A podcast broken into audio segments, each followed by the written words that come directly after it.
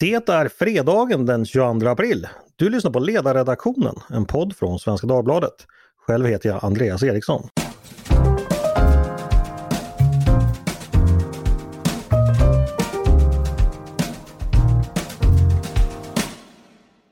Varmt välkomna till oss denna fredag då ledarredaktionens inbyggare återigen samlas vid tings tingsplatsen för att döma om rätt och fel, skipa rättvisa bland tidens otaliga tvister och nidingdåd. Jag heter som sagt Andreas Eriksson och till dagens nämnd har jag hittat tre starka edjärnsmän och kvinnor. Mm. Nämligen Tove Livendal, Maria Ludvigsson och Jesper Sandström. Välkomna alla tre! Tack så mycket! Tove, tänkte bara höra med dig, du har skrivit en kokbok. Vad står på menyn till helgen? Ja, det blir kanske inte så mycket lagat just åtminstone i början av helgen för att eh, idag har vi rester. de är mm. väldigt goda. Jag gjorde en hjortrostbiff igår. Ah. Räcker till idag också. Mm. har sprungit, eh, inte, inte, inte rostbiffen men hjorten har sprungit i Sörmland tror jag. Oh, då är det gott! Mm. Ja. Har de säkert ätit upp våra små plantor? Ja, det är, det är risk för det. Men ja. sen imorgon så är jag faktiskt utlovad eh, middag som ska lagas av mina barn, för då är jag ute på resa på dagen. Vad trevligt. Mia, du har inte skrivit en kokbok vad jag vet. Uh, har, du bränt, har du bränt någon kokbok någon gång? Har du bränt hemma? inga kommentarer, inga kommentarer. Nej, jag har inte men jag är, väldigt, jag är nästan mer förtjust i att baka kakor och tårtor och sånt. Så om jag skulle ge ut någonting, då skulle jag samla mina bästa kakor och tårtor. Min, min pappa som snart fyller 90, han är, gör en enastående chokladtårta mm. som jag fortfarande inte klarar av. Så det, it's running in the family. Det låter utmärkt. Eh, du Jesper, en kokbok i dina trakter är ju onödigt för jäst, socker och vatten kommer man ihåg i huvudet, inte sant? precis, precis. Och så har man visan av, eh, vilka är de nu? Eh, vad, ja, Zetterholm och Pierre Ström är det väl? Är det, är det precis, ett recept heter ja. de va? Precis, ja, ja. som vi inte ska upprepa här då, men, men Nej, då kan man göra roliga saker. Mycket, mycket användbar vid behov. Jo, jag har nämligen fått mail från en läsare som har uppmärksammat mig på att jag ständigt och jämt säger krigsföring när det faktiskt heter krigföring. Och eftersom vi pratar mycket mm. om krig i dessa dagar så ska jag bättra mig på den punkten och komma ihåg att det finns inget S i krigföring helt enkelt. Och vad man gillar våra lyssnare och läsare som påpekar sånt. Ja, sen har vår producent som då deltar i panelen idag, Jesper, påpekat att jag använder en konstig eh, ordföljd i mitt outro eh, ständigt och jämt, som han har hela tiden funderat över. Och det, det påminner du mig om igår faktiskt Jesper, inte sant? Ja, ja, det stämmer. Ja, så idag ska jag försöka göra den på rätt sätt. Så får vi Därmed... höra om ni märker det, ni kan, ni kan mejla ja. och så får ni något litet tröstpris. Så, då är våra samveten vita som snö så vi kan med gott samvete attackera andra det har varit en intensiv vecka både på nyhets och ledarplats. Vi har haft upplopp i påskhelgen, eh, en vårbudget har kommit och kriget i Ukraina har ju tyvärr fortsatt med ohämmad intensitet. Och mycket annat har skett också.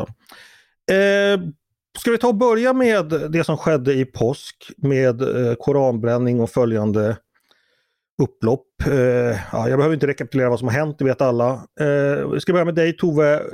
Vad får du ut så att säga politiskt av det hemska som hände under, under de här dagarna? Ja, det första handlar ju om att vi har en rikspolischef som sa att vi var oförberedda inför att det här hände. Och det känns väldigt märkligt med tanke på att samma person ändå under lång tid har ägnat sig åt att publikt varna politikerna för den utveckling som Sverige befinner sig i. Mm. Och där tänker jag att det finns en, en första där utvärderingspunkt att gå tillbaka och titta på och fråga sig hur det kunde vara så att man inte bedömde situationen på ett mer eh, korrekt sätt och därmed antingen kunde ha rustat sig bättre för den eller direkt vänt frågan till regeringen och säga att vi kommer inte att kunna klara att upprätthålla säkerhet och ordning utifrån de resurser vi har just nu. Så hur ska vi göra med de här demonstrationstillstånden?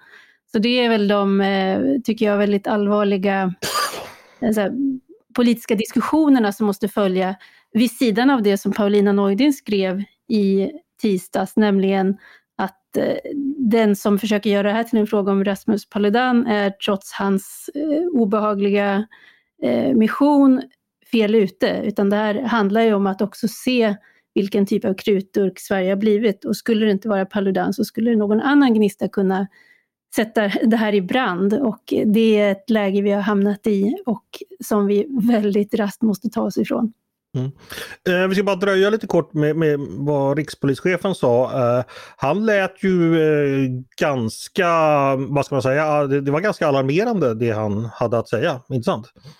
Absolut, och han, eh, jag menar, han blev ju ett språkrör för de sina och nu vet vi, SVT har ju tagit del av de här inre interna arbetsrapporterna som ger vid handen att minst 104 poliser har skadats och det är någonting oerhört. Det, det har vi liksom inte sett tidigare. Och han, när han framträdde på presskonferensen i måndags så var det ju eh, Ja, det var absolut, eh, han, han, blev så att säga snarare ett språkrör där han eh, vittnade om den dödsångest och mm. liksom panik som hans medarbetare hade befunnit sig i. Mm. Eh, och det, det är klart att om man tänker då att ÖB hade gjort motsvarande vid ett ja. yttre angrepp mot Sverige, då hade vi diskuterat det här i termer av tjänstefel. Ja. Därför att det blir något oerhört när våldsmonopolet signalerar att det inte har kontroll. Mm.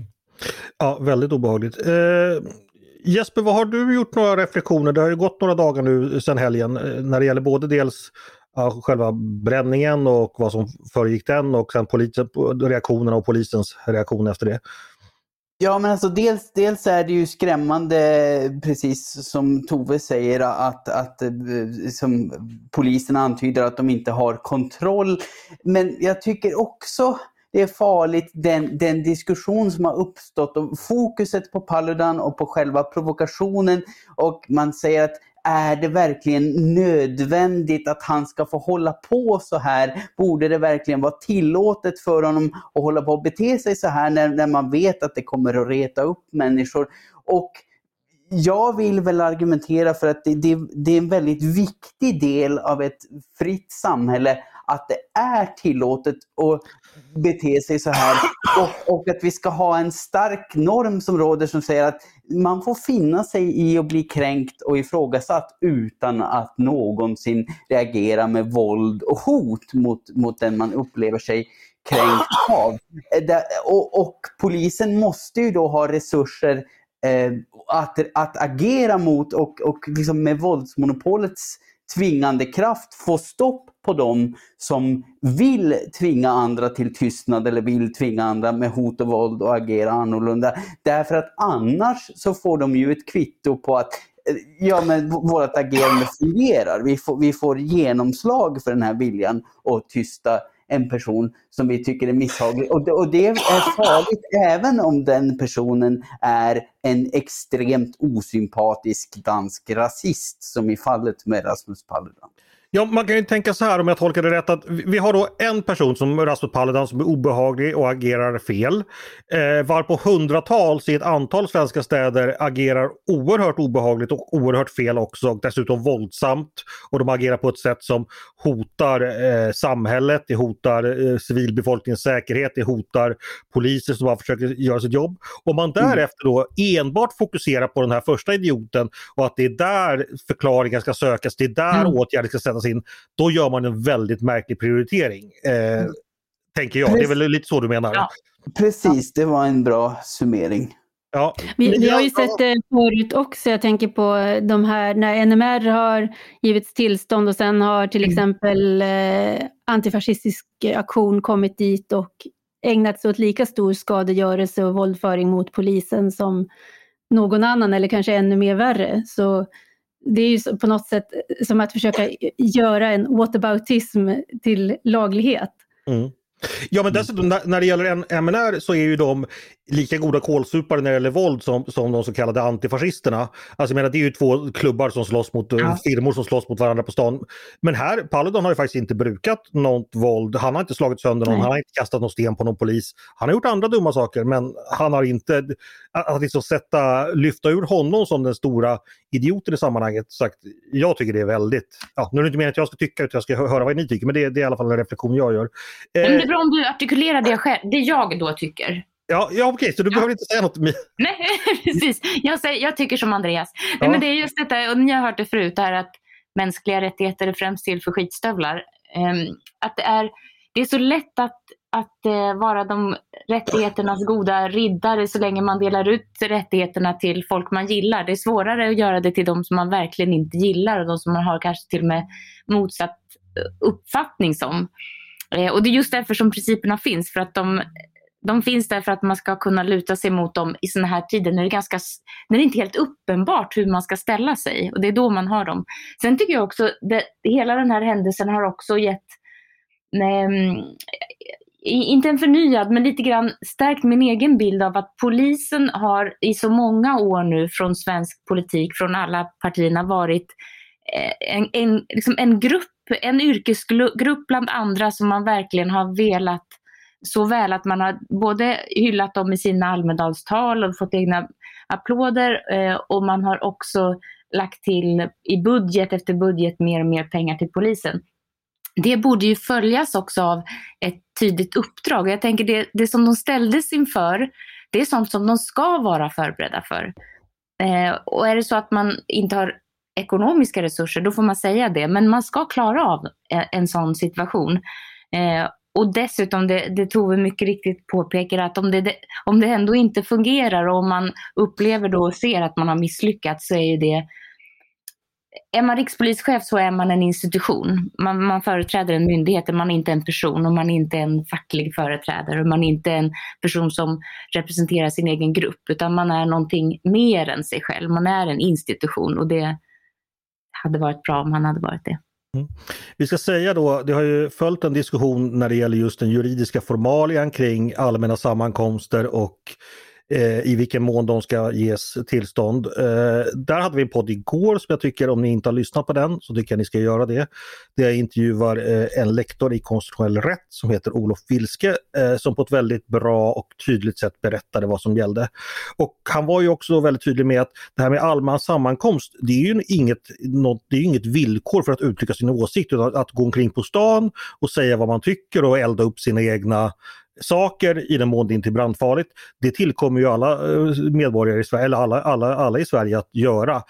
Eh, man behöver inte söka någon, det är så att säga inte så att uteblivet eh, tillstånd för allmän sammankomst hade gjort att polisen automatiskt hade kunnat eh, gripa Paludan och släpa iväg honom utan det är ju ett sätt för att underlätta för trafik och allmän ordning och sådana saker. Men, men, det är inte så att man behöver ansöka om tillstånd för att uttrycka sin åsikt i Sverige, vilket är ett vanligt missförstånd. Jag, jag har en annan fråga till mina kollegor här som jag har funderat på. Eh, och det blev så tydligt i Aktuellt-intervjun med den här imamen och eh, Mustafa Panshiri som var mm. häromkvällen. Eh, där de diskuterade just då vad är yttrandefrihet och varför är det viktigt? Och så å andra sidan då vad är det att eh, ha en tro och, och som inte vill att någonting ska hända, den så kallade heliga skriften och så vidare. Hur gör man för att, eh, finns det någon som ens har en diskussion om hur man gör för att eh, vad ska jag säga, undervisa om, eh, inpränta värdet av yttrandefrihet och vad det är och varför det har ett värde? Eh, ja, god fråga. Vem vill börja? Jesper? Ja, men alltså jag, jag, skulle väl säga just det som, som jag tror jag har uttryckt i text på ledarsidan också det här att imorgon kan det vara din tur att bli tystad. Att om, om, om du anammar normen att det är okej okay att tysta en åsikt därför att den på något vis eh, gör dig upprörd eller eh, får dig att må dåligt. Ja men då, då, nä, nästa dag så kan det vara någon som kommer och säger att ja, de blir upprörda och mår dåligt av ditt agerande. De, de kanske mm. blir upprörda och mår dåligt av din religionsutövning. Om, om man då ska ta exemplet Rasmus Paludan som vill förbjuda islam i Danmark. Eh, mm. För, för, att han blir så kränkt av det. Det, det är ju just det att, att, att om man öppnar den Pandoras ask, ja men mm. då, då är det snart ens egen yttrandefrihet som står i skottgluggen om man inte bara tycker oerhört okontroversiella saker som aldrig retar upp någon. De kom för Jesper men jag sa ingenting för jag hette ju inte Jesper. Sen när de kom för mm. mig, då fanns det ingen Jesper där. En sak bara angående Paludan som jag tycker är viktigt, det som Jesper tar upp där. Han är ju icke ute i ett yttrandefrihetsärende eftersom han själv inte är anhängare av yttrandefriheten. Han vill ju exempelvis förbjuda en hel religion från offentligheten, vilket givetvis är på, på kors. Det är ju en sak som jag tycker ändå är viktigt att hålla kvar i huvudet, att han inte är en mm. vän, eller så här, han blir ju en allierad för alla yttrande, yttrandefrihetsvänner eftersom vi tyvärr måste ha sådana med i båten. Eh, och väldigt många andra också, eh, olika jihadistiska predikanter eller Åkergren eller vad det nu kan vara. Mm. Men, men så att säga, i övrigt är vi ju inte ideologiska vänner. Nej, men jag tänker, vi, vi puffade ju i tidningen häromdagen en artikel som publicerades i Alltinget som jag tyckte var intressant och den eh, var skriven av Özlem Cekic som är generalsekreterare för föreningen Brobyggene och hon är tidigare folketingsledamot då för Socialistisk Folkeparti. Och eh, hon eh, tycker då att Sverige ska lära av Danmarks erfarenheter av Paludan och hon berättar att han har konsekvent kallat henne för apunge de gånger de har haft kommunikation på Twitter och eh, har kallat eh, eh tioåriga barn i, i Danmark, deras mödrar för horor och sådär. Så, så det, det, är som, det, det, visar lite grann vad det är för typ av debattör. Men hennes poäng är att det viktiga man kan göra är ändå inte förbud utan det är att lära unga människor att tolerera även det som är intolerant och hatiskt. Och det innebär inte, nu citerar jag, det innebär inte att de, betyder inte att de ska respektera eller acceptera hans åsikter, men det är nödvändigt med strategisk inställning till provokatörer som Paludan. Mm. Eftersom de lever av uppmärksamhet. Och det fick han en kort tid i Danmark och just nu så ger vi honom det han vill ha.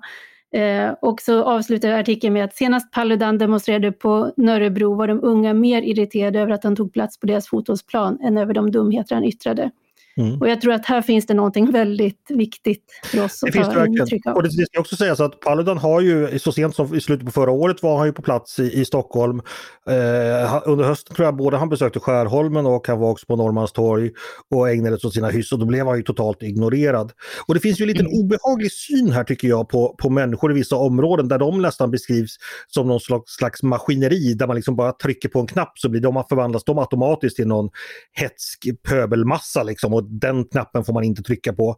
Det tycker jag berövar dem både ansvar men också agens och förmåga mm. att liksom själva bestämma över... Förstår ni vad jag är ute efter? Det, det, det är inte ja. en helt trevlig syn på... på, Nej, på, på Nej för, för, att det säga att man kan inte vänta sig bättre från dem. Ja, nej, men ungefär så. Det blir ju så, jag minns det var någon så här fruktansvärd sak som en islamolog, eh, jag ska inte nämna hans namn, är i samband med Muhammed-karikatyrkrisen, eh, mm. så sa han att man måste förstå att för enkla muslimer är sådana här bilder fruktansvärda, man mår fysiskt dåligt, man kräks. Och vad han sa då var helt enkelt att det var att muslimer inte kunde leva i ett modernt utvecklat ja. samhälle för att vi kommer stöta på massor med saker, men naturligtvis blir inte muslimer kräkfärdiga rent fysiskt av att se en Muhammed-karikatyr. Det är ju liksom ett sätt att så att säga ja, beskriva dem på ett väldigt obehagligt sätt. Jag skulle säga. Mm. Det är en annan boll här jag bara skulle vilja lyfta upp var det som Tove sa, det här med att det verkar ju som att vi har de här krutburkarna, turkarna eh, latenta. Eh, olika saker kan antända dem. Det hade det inte varit om koranbränning hade det kunnat vara något annat. Och det är ju någonting vi tyvärr väl vet sedan tidigare. Eh, det är lika beklagligt som obehagligt. Men där borde väl också någon form av kärndisk eller diskussion hamnar nu. Hur gör vi för att desarmera dessa krutdurkar? Eh, eller Tove, vad tänker du? Där, där borde vi väl också ägna mycket, mycket energi. Absolut, och det är, väl, det är väl det partierna är i full färd egentligen med att adressera med alla hårdare tag och sen är det ju som att eh, det, det är trixigt. Hade det funnits en enkel lösning så hade den eh, presenterats och de som, de som låter jätteenkla, de är inga bra lösningar. De har mm. andra vidhängande problem. Så att det här är ju eh, inte någonting som låter sig göras, för det, det behövs, eh, som jag tror vi har diskuterat ganska många gånger förut, en kombination av repressiva och förebyggande åtgärder. Mm. Eh, och det, här finns det ju inte heller liksom någon eh, slags one-stop shop utan eh, en del saker kommer att kunna göras ganska snabbt. Det finns en del personer som behöver mötas av mycket tydligare signaler eh, och det fungerar kanske både för att hejda dem för tillfället men också för att vara avskräckande för sådana som funderar på en bana. Och där är det väl så att diskussionen om hur hårda straffen ska vara tillräckligt avskräckande, det är sånt som måste ingå i det. Men sen är det ju också så som Många har pekat på, både Anders Thornberg nu men också en sån som Karin Götblad idogt har påpekat att rekryteringen sker ju i så otroligt unga åldrar.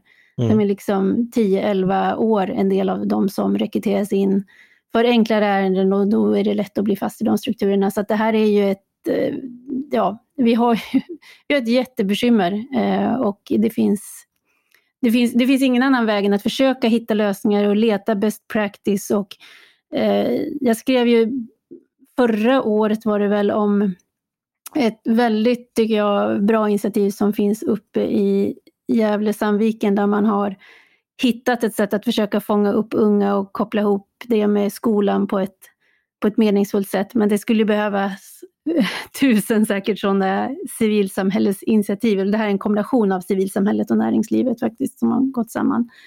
Så det är väl det, är det vi behöver göra, men det finns tyvärr ingen trycka på knappen och risken är väl nu när vi går in i ett valår att det finns en del som är lite lockade av att torgföra tanken på att det finns enkla trycka på knappen. Mm. Det är lätt att förleda ungdomar som inte ser någon framtid, säger alltså Moderata ungdomsförbundets före detta ordförande. ja. eh, vi ska gå vidare hörni. Eh, vi kommer säkert, eller helt övertygad att vi kommer återkomma till det här ämnet. Eh, det, vi fick ju en eh, vårbudget också i veckan, eh, presenterades i tisdags var det väl. Eh, kanske inte så jättestora nyheter. Eh, budgetarna nu för tiden brukar ju, ja, de är ju dels gör man en del ändringsbudgetar och sen dels så brukar man presentera lite i förtid. Eh, en intressant, nu vet vi inte om den här budgeten kommer gå igenom, men en intressant diskussion kring detta eh, gäller ju då det här med pensioner och att en del pan pensionärer i Sverige ska då få lite extra ersättning. Eh, Tove, det här vet jag att du har funderat på lite den här frågan. Vad har du för tankar om detta? Ja, det, är ju, det här är ju då en vårändringsbudget ska man säga, så det är ju en mindre del som det här handlar om. Eh, och det är ju då ändringar på en MKD-SD-budget ska vi säga mm. också, som regeringen styr på. Och eh, då gör man vad man kan och då för att bara bekräfta att det är just ett valår så har regeringen kommit på att man vill hitta ett sätt att stötta de sämst ställda pensionärerna och det ska göras genom en utbetalning som landar två veckor innan valdagen om jag har förstått det hela rätt. Mm. Och eh, det, det ja, det, det, kan, det är väl med en förhoppning om en bra return on investment på de pengarna. För det är ju så att det är ett, tycker jag, då, oförblommerat röstköp i det. Sen, behöver det inte, sen kan man säga att de är helt överens, både från höger till vänster, att vi, de sämst ställda pensionärerna har en mycket tuff situation att se fram emot nu. De lever redan på marginalen och med inflationen och alla de här höga priserna som eh, blir svåra att undkomma så, så är det en jättetuff situation. Men där kommer nu som jag har förstått de borgerliga kommer att återkomma med sina respektive förslag och väldigt tydligt har pekat på att de ska försöka hitta en egen vinkel på att eh, hjälpa pensionärer i den här situationen men utan att då rubba egentligen den här principen som har varit viktig för de borgerliga, att det ska vara skillnad på om man har jobbat eller inte. Därför att det måste mm. vara en tydlig signal då att man, kan, att man ska uppmuntras att påverka sin egen situation. Så det här är ju, ja, det är, det är lite valströssel och sen är det precis som vår kollega Peter Wemblad skrev i sin ledare om vårbudgeten att det, är uppenbart att det här har man förberett eh, och gjort klart det mesta innan den 24 februari. Så att väldigt, man har ändrat lite i inledningen men i övrigt så är hela tankesättet, det är liksom i den värld vi var i i januari 2022 mm. och den är helt annorlunda nu. Och den tar inte höjd för att vi får en långvarig nedgång eh, till följd av kriget det, det, finns liksom inte riktigt där, utan det är som ett, ett litet pliktskyldigt preambel inledningsvis, men sen finns det inte mycket av en ny uppdaterad världsbild i den. Nej, så är det. Däremot när man försökte sälja in den, jag tittade på PPT-bilderna som användes, då var det ju då stärka Sverige och hjälpa Ukraina som var liksom det stora för att det är ju lite miljoner hit och dit till eh, diverse civilförsvar och sånt där och sen så är det ju så att de ukrainska flyktingarna kostar ju ganska mycket pengar. Men mm. de pengarna tas ju huvudsakligen numera från, från biståndsbudgeten så det påverkar inte plus och minus på sista raden. någonting heller. Men, men det du säger, eh, det här med, med att man, det här med budget och plånboksfrågor och när folk ska rösta, det är ju delvis en ganska salopp process skulle jag säga, liksom hur, hur hur, partierna tänker där. Att eh, ja, man, ska se, man vill gärna att väljarna ska minnas den sista utbetalningen eller sista blicken i plånboken innan de går och röstar. Så att det gör väl alla politiker och partier, tänker jag. Så, så är det och där kan man säga att eh, det, det, det är svårt eh, i ett sånt här läge att vädja till eh, till även ens åsiktsfränder att vara lite bättre, att stå över det, därför att det blir en kapplöpning. Men det är ju något djupt osunt i när ett högskattesamhälle går till val och det just blir det här liksom oförberedd köpet. Att man står där som en bondaktion och ropar över varandra. Och jag men, en, det, borde, det borde inte gå att utan att rådna kraftigt gå ut och prata om att man tillsätter pengar till sjukvården och pratar om 500 miljoner. Det är liksom 50 lapp per invånare och det är, det är inte liksom den här jättesatsningen som man, som man vill låta påskina. Så det är, det är, vi gör oss, högskattesamhället gör oss alla lite dumma under ett valår och det stör mig. Jesper, gynnas du av budgeten? Nej, det tror jag inte jag gör på något särskilt sätt. Det är väl en, en god stund innan jag får gå i pension, även om jag ser fram emot det. Eh, Då finns det inga pengar kvar. Nej, precis.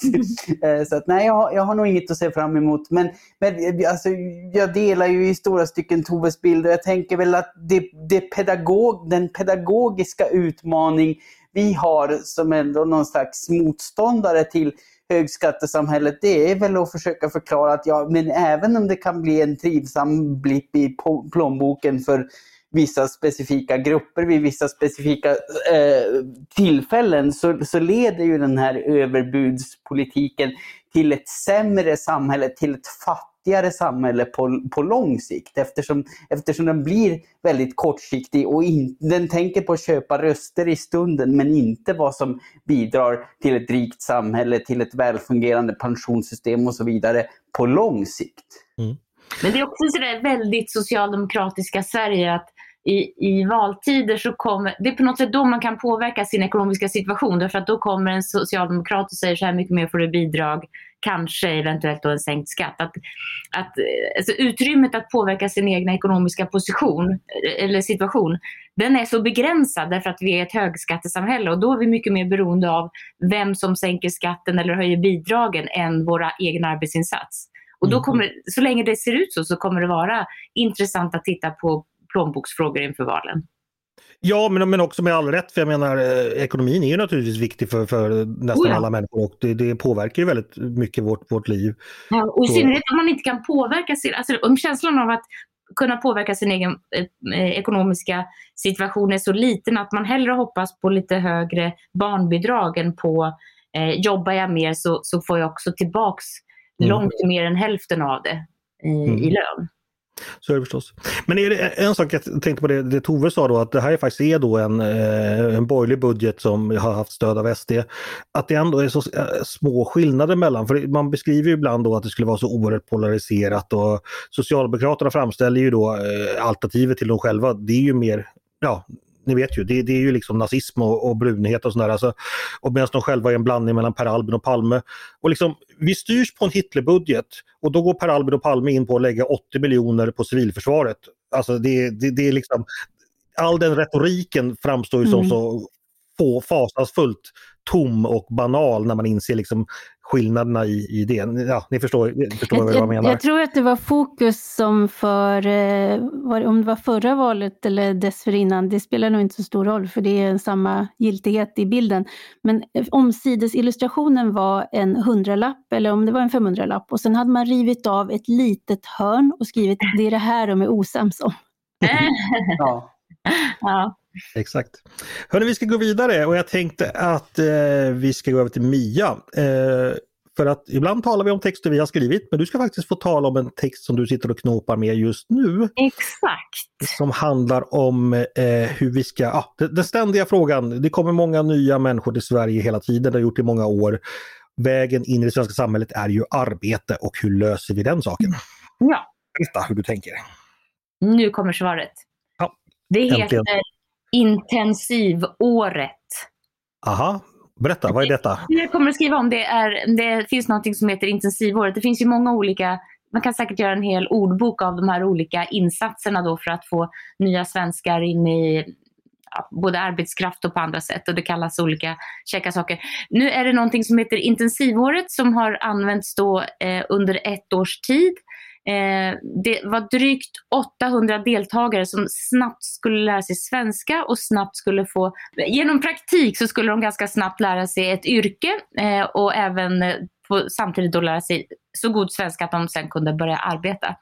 Och det, här var, det är 800 deltagare och det är också sagt att man ska, var och en av dem ska få en mentor.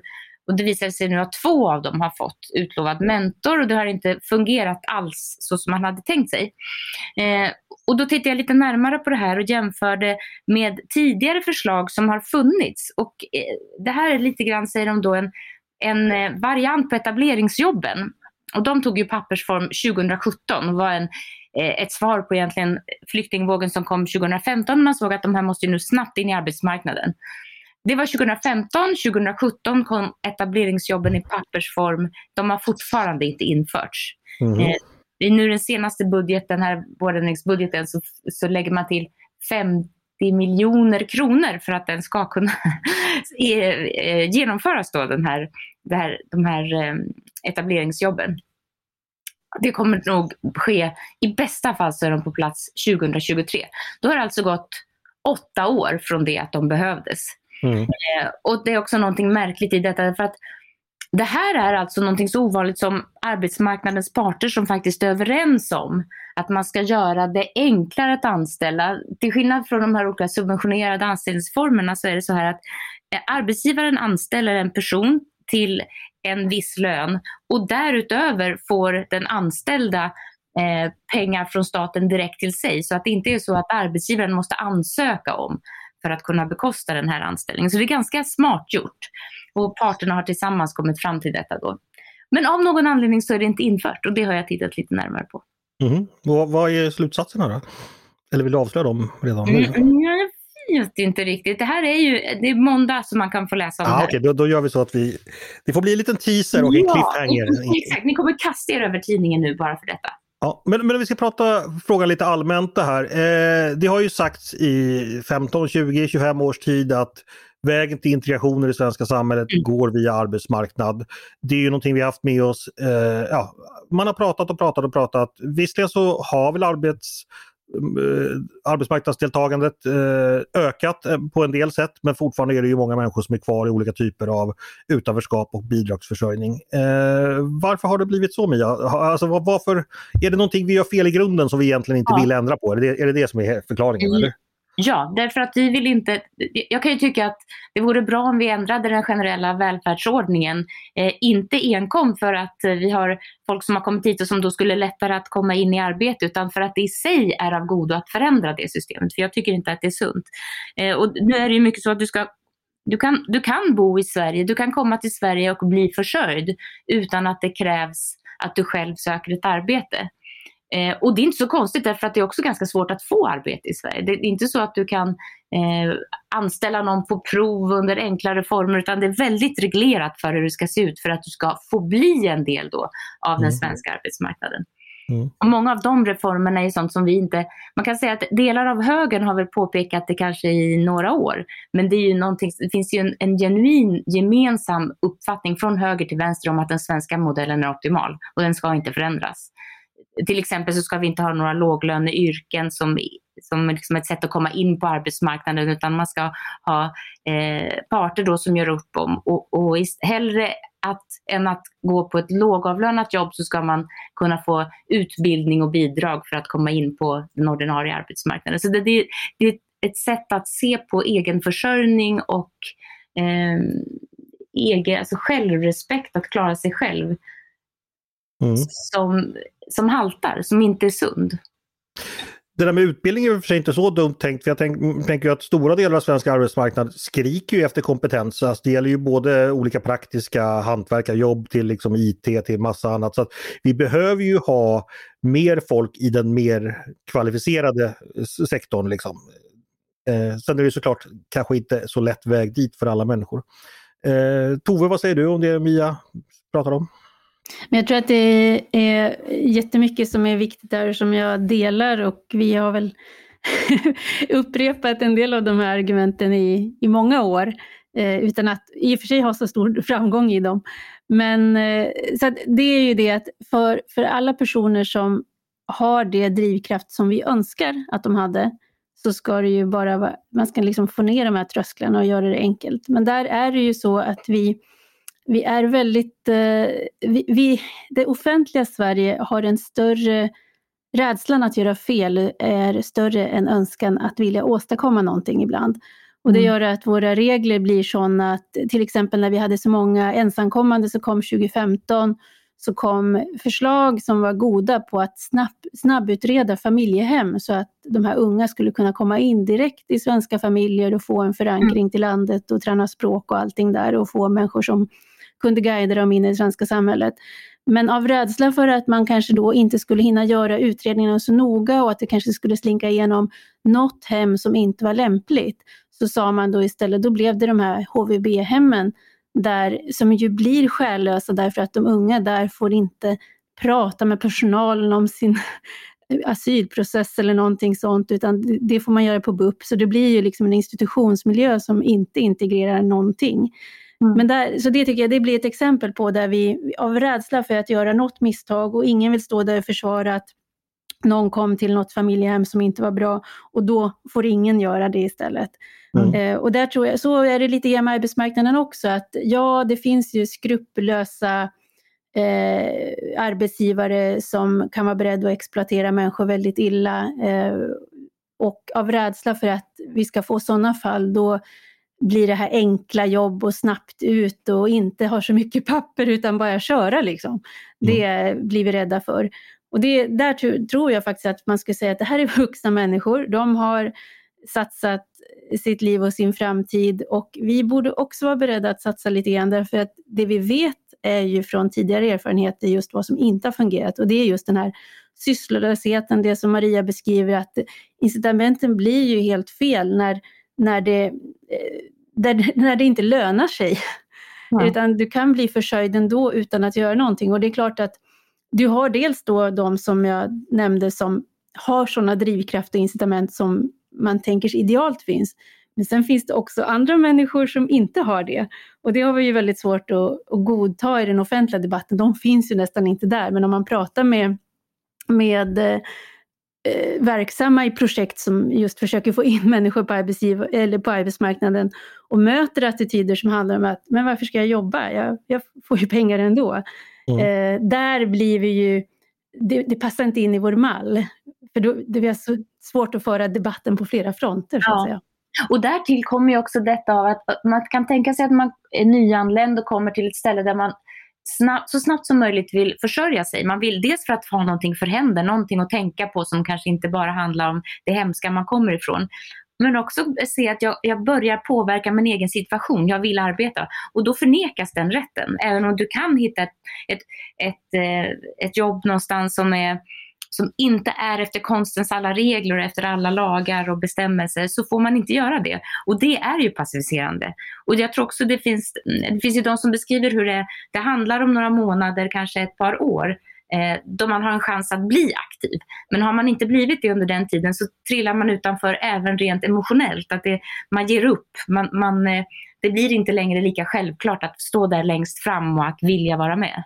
En sak som också ställer till det för oss, det är ju den svenska idén om, om jämlikhet och att den ligger över, som en tung filt över möjligheten att, att släppa in folk på olika sätt, öppna flera dörrar i det här huset.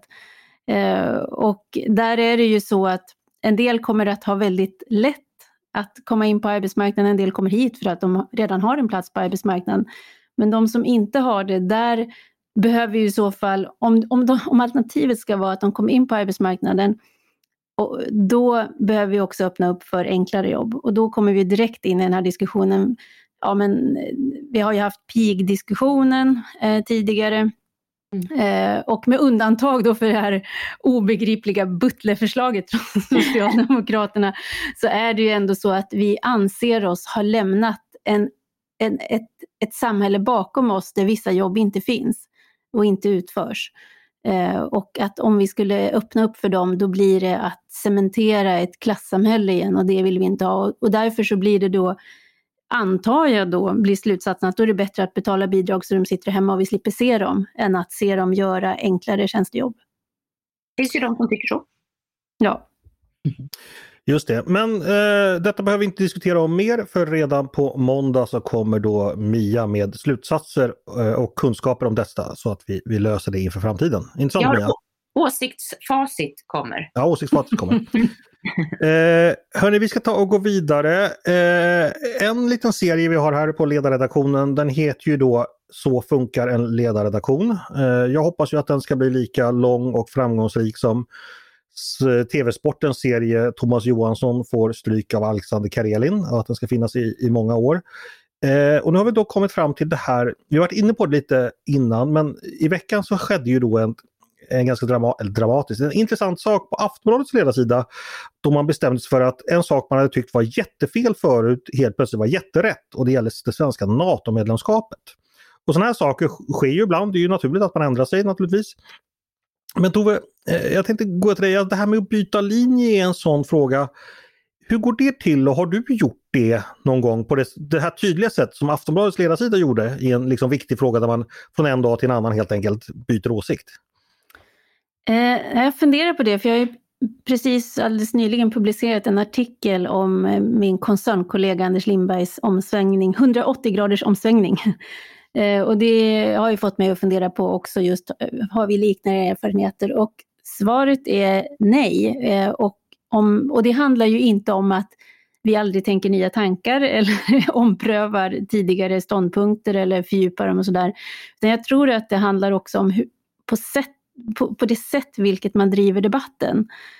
Och vi har ju ofta skulle jag nog säga. Och det, det är klart, nu är det, det är vanskligt att sitta och recensera sig själv här och sin egen verksamhet och produktion. Men, men mitt subjektiva intryck är att vi ändå försöker ha en resonerande eh, och vuxen sådär, transparens. Att vi, vi pratar med läsarna men vi försöker liksom inte säga åt dem att era idioter, så här måste ni tycka, annars är man, är man dum. Utan så här resonerar jag kring den här saken och det gör jag på grund av det här, alltså en transparens kring, kring hur man kommer fram till sin slutsats.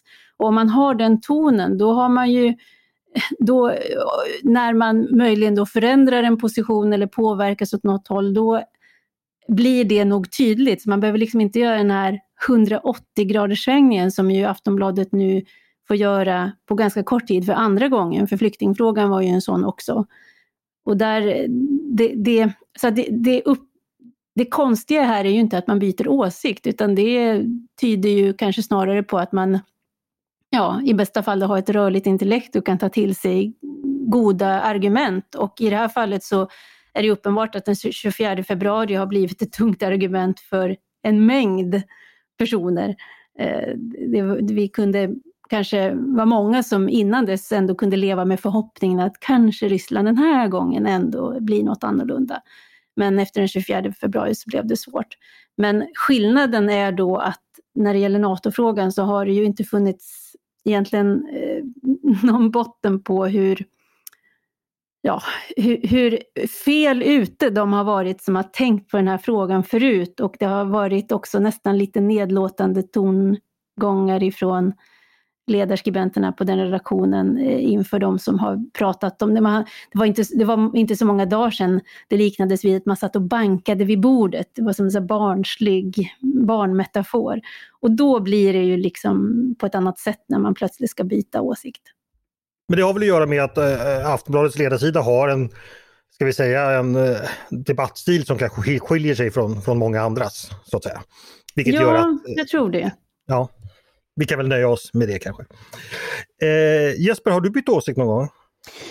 Det har jag väl i ett antal eh, frågor. Eh, bland annat den som ibland lite halvhumoristiskt eh, har kommit upp här i podden. Som, som ung liten borgarslyngel Eh, så var jag nog inte så positivt inställd till en legalisering av droger. Men där har jag ju bearbetats av andra kompetenta nyliberaler genom åren och, kommit att landa i slutsatsen att det kanske är eh, bättre ändå. Men, men jag har inte heller gjort några sådana där Anders Lindberg-style omsvängningar där jag ena månaden tycker att en åsikt är barnslig och dum i huvudet och nästa månad tycker att den är mycket klok. Mm. Mia, du har, går ju långt tillbaka på sidan. Minns du några, kanske inte sådana här 180-gradersvändningar, men ändå några ändringar? Ändrade Tove exempelvis tidning när hon kom och ersatte den tidigare redaktören? Nej, alltså jag tycker, min, min tid på Svenska Dagbladet har snarare varit kontinuitet. Men när man ändrar sig så är det snarare någonting som mognar fram än att det händer sådär över 14 dagar eller ett par timmar. Det är någonting som kommer av antingen att man har lärt sig mer eller det finns ju också det här det viktiga är nog att man har kvar sina värderingar och, och håller fast vid dem. Men de kan ju i sin tur göra att man ibland ändrar åsikter för att det händer saker i omvärlden som gör att man kanske får ny kunskap. Som gör att ens egna värderingar tvingar en att ändra åsikt. Mm. Och då är det på något sätt ett, ett, mer rimligt sätt. Då kan man också förklara det med att givet den här grundsynen så måste jag nu så måste jag som hålla med om det här argumentet eftersom det stämmer med min grundläggande syn på vad som är rätt och fel.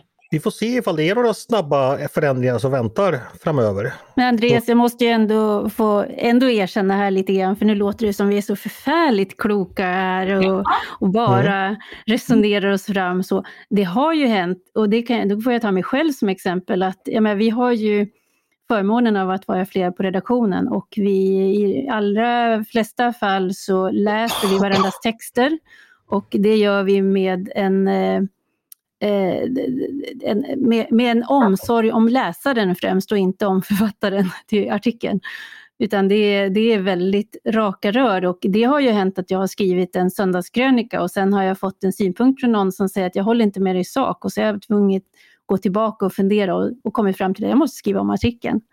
Eh, mm. Därför att det var så klok invändning. Så det, ju, det finns ju mycket, eh, det, det finns nog en del helomvändningar som sker i tankarbetet hos oss som individer tack vare att vi har en kritisk och klok omgivning.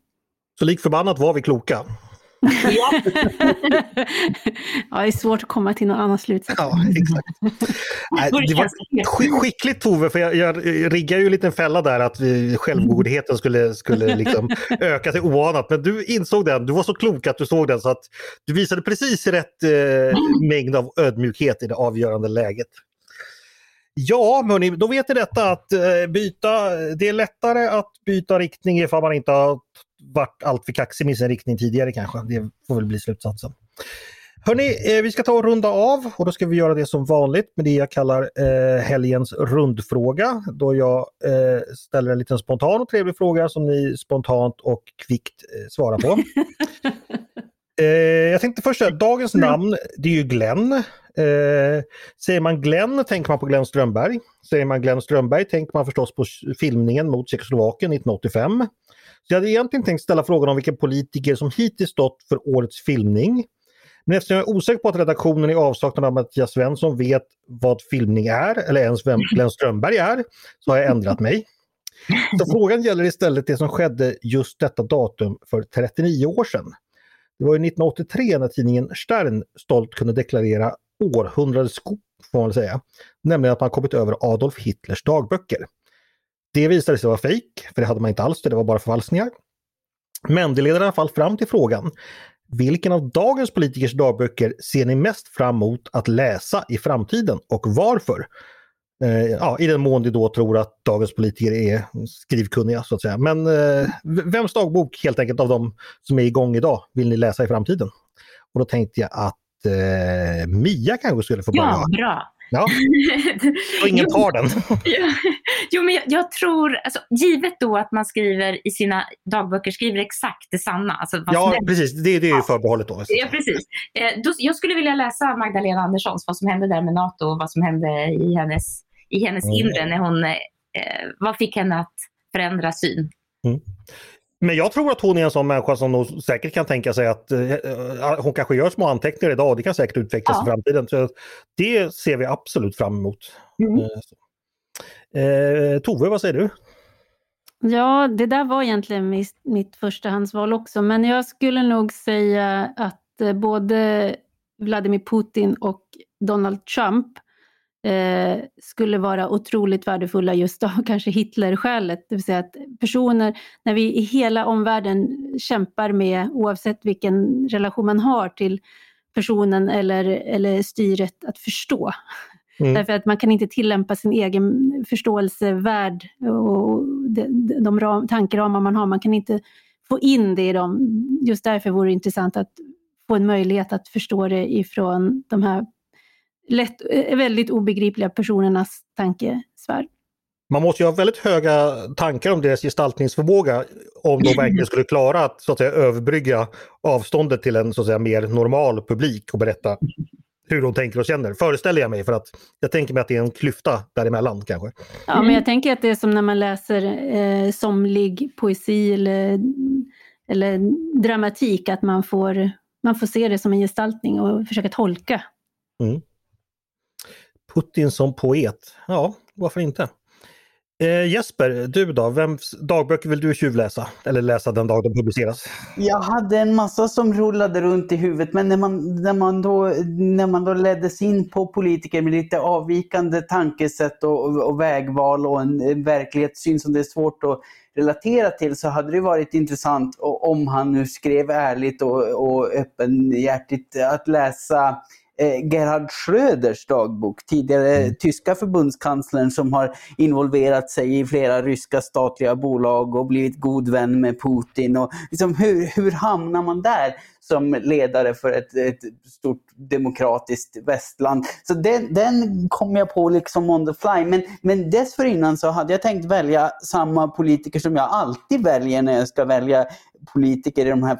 Nu är han kanske inte tillräckligt aktiv, jag vet inte. Men jag hade valt Göran Hägglund. För att det, jag, jag, jag, jag upplever honom som så relaterbar på något vis. Han, han satt i riksdagen och han ordvitsade och, och Lars Ohly satt och tittade på och avskarvade, även fast de inte höll med varandra. Han frågades ut om politiska händelser och erkände på ett sätt som jag eh, återigen upplevde som väldigt relaterbart att han slogs av tanken What the fuck is going on dude? Ehm, I någon TV3-intervju. Och, och det här, det, den, den världssynen, till skillnad då från Gerhard Schröders, upplever jag som väldigt ja, det hade varit mysigt att läsa den. En, en feel good eh, dagbok. Nu, nu, ska jag också prata engelska. Get a room. Jag tror det finns chans för dig att få läsa det. Jag kan tänka mig att han kunde tänka, du kanske kan bli en spökskrivare? ja. Kanske det, det, det vore något. Mm, så Gerhard Schröder och eh, Göran Hägglund eh, valde jag då. Ja, men fantastiskt. Vi har ju en hel knippe dagböcker som bara väntar på att antingen eh, skrivas eller spökskrivas eller göra som någon, någon gjorde med Hitlers dagböcker, fejkskrivas helt enkelt. Men vad bra, då har vi faktiskt klarat av ännu en vecka hörni i Åsiktsfabriken. Bra jobbat! Tack själv! Detsamma! Mm. Jättetrevligt som vanligt att ha er här och jättetrevligt att ha er som lyssnare, ni som har lyssnat på Ledarredaktionen, en podd från Svenska Dagbladet. Ni är varmt välkomna att höra av er. Nu ska vi se ifall jag får till ordföljden här som jag lovade i början. Nu ska vi se. Ni är varmt välkomna att höra av er till redaktionen med tankar och synpunkter på det, det vi precis har diskuterat. Eller om det är så att ni har idéer och förslag på saker vi borde ta upp i framtiden. Då är det bara att mejla till ledarsidan snabel svd.se. Och det får man också göra ifall ett S råkar smyga sig in i krigföring i framtiden också. Stort tack för idag! Eh, producent och felfinnare har varit Jesper Sandström som vanligt och jag heter som vanligt också Andreas Eriksson och jag hoppas som vanligt att vi hörs snart igen.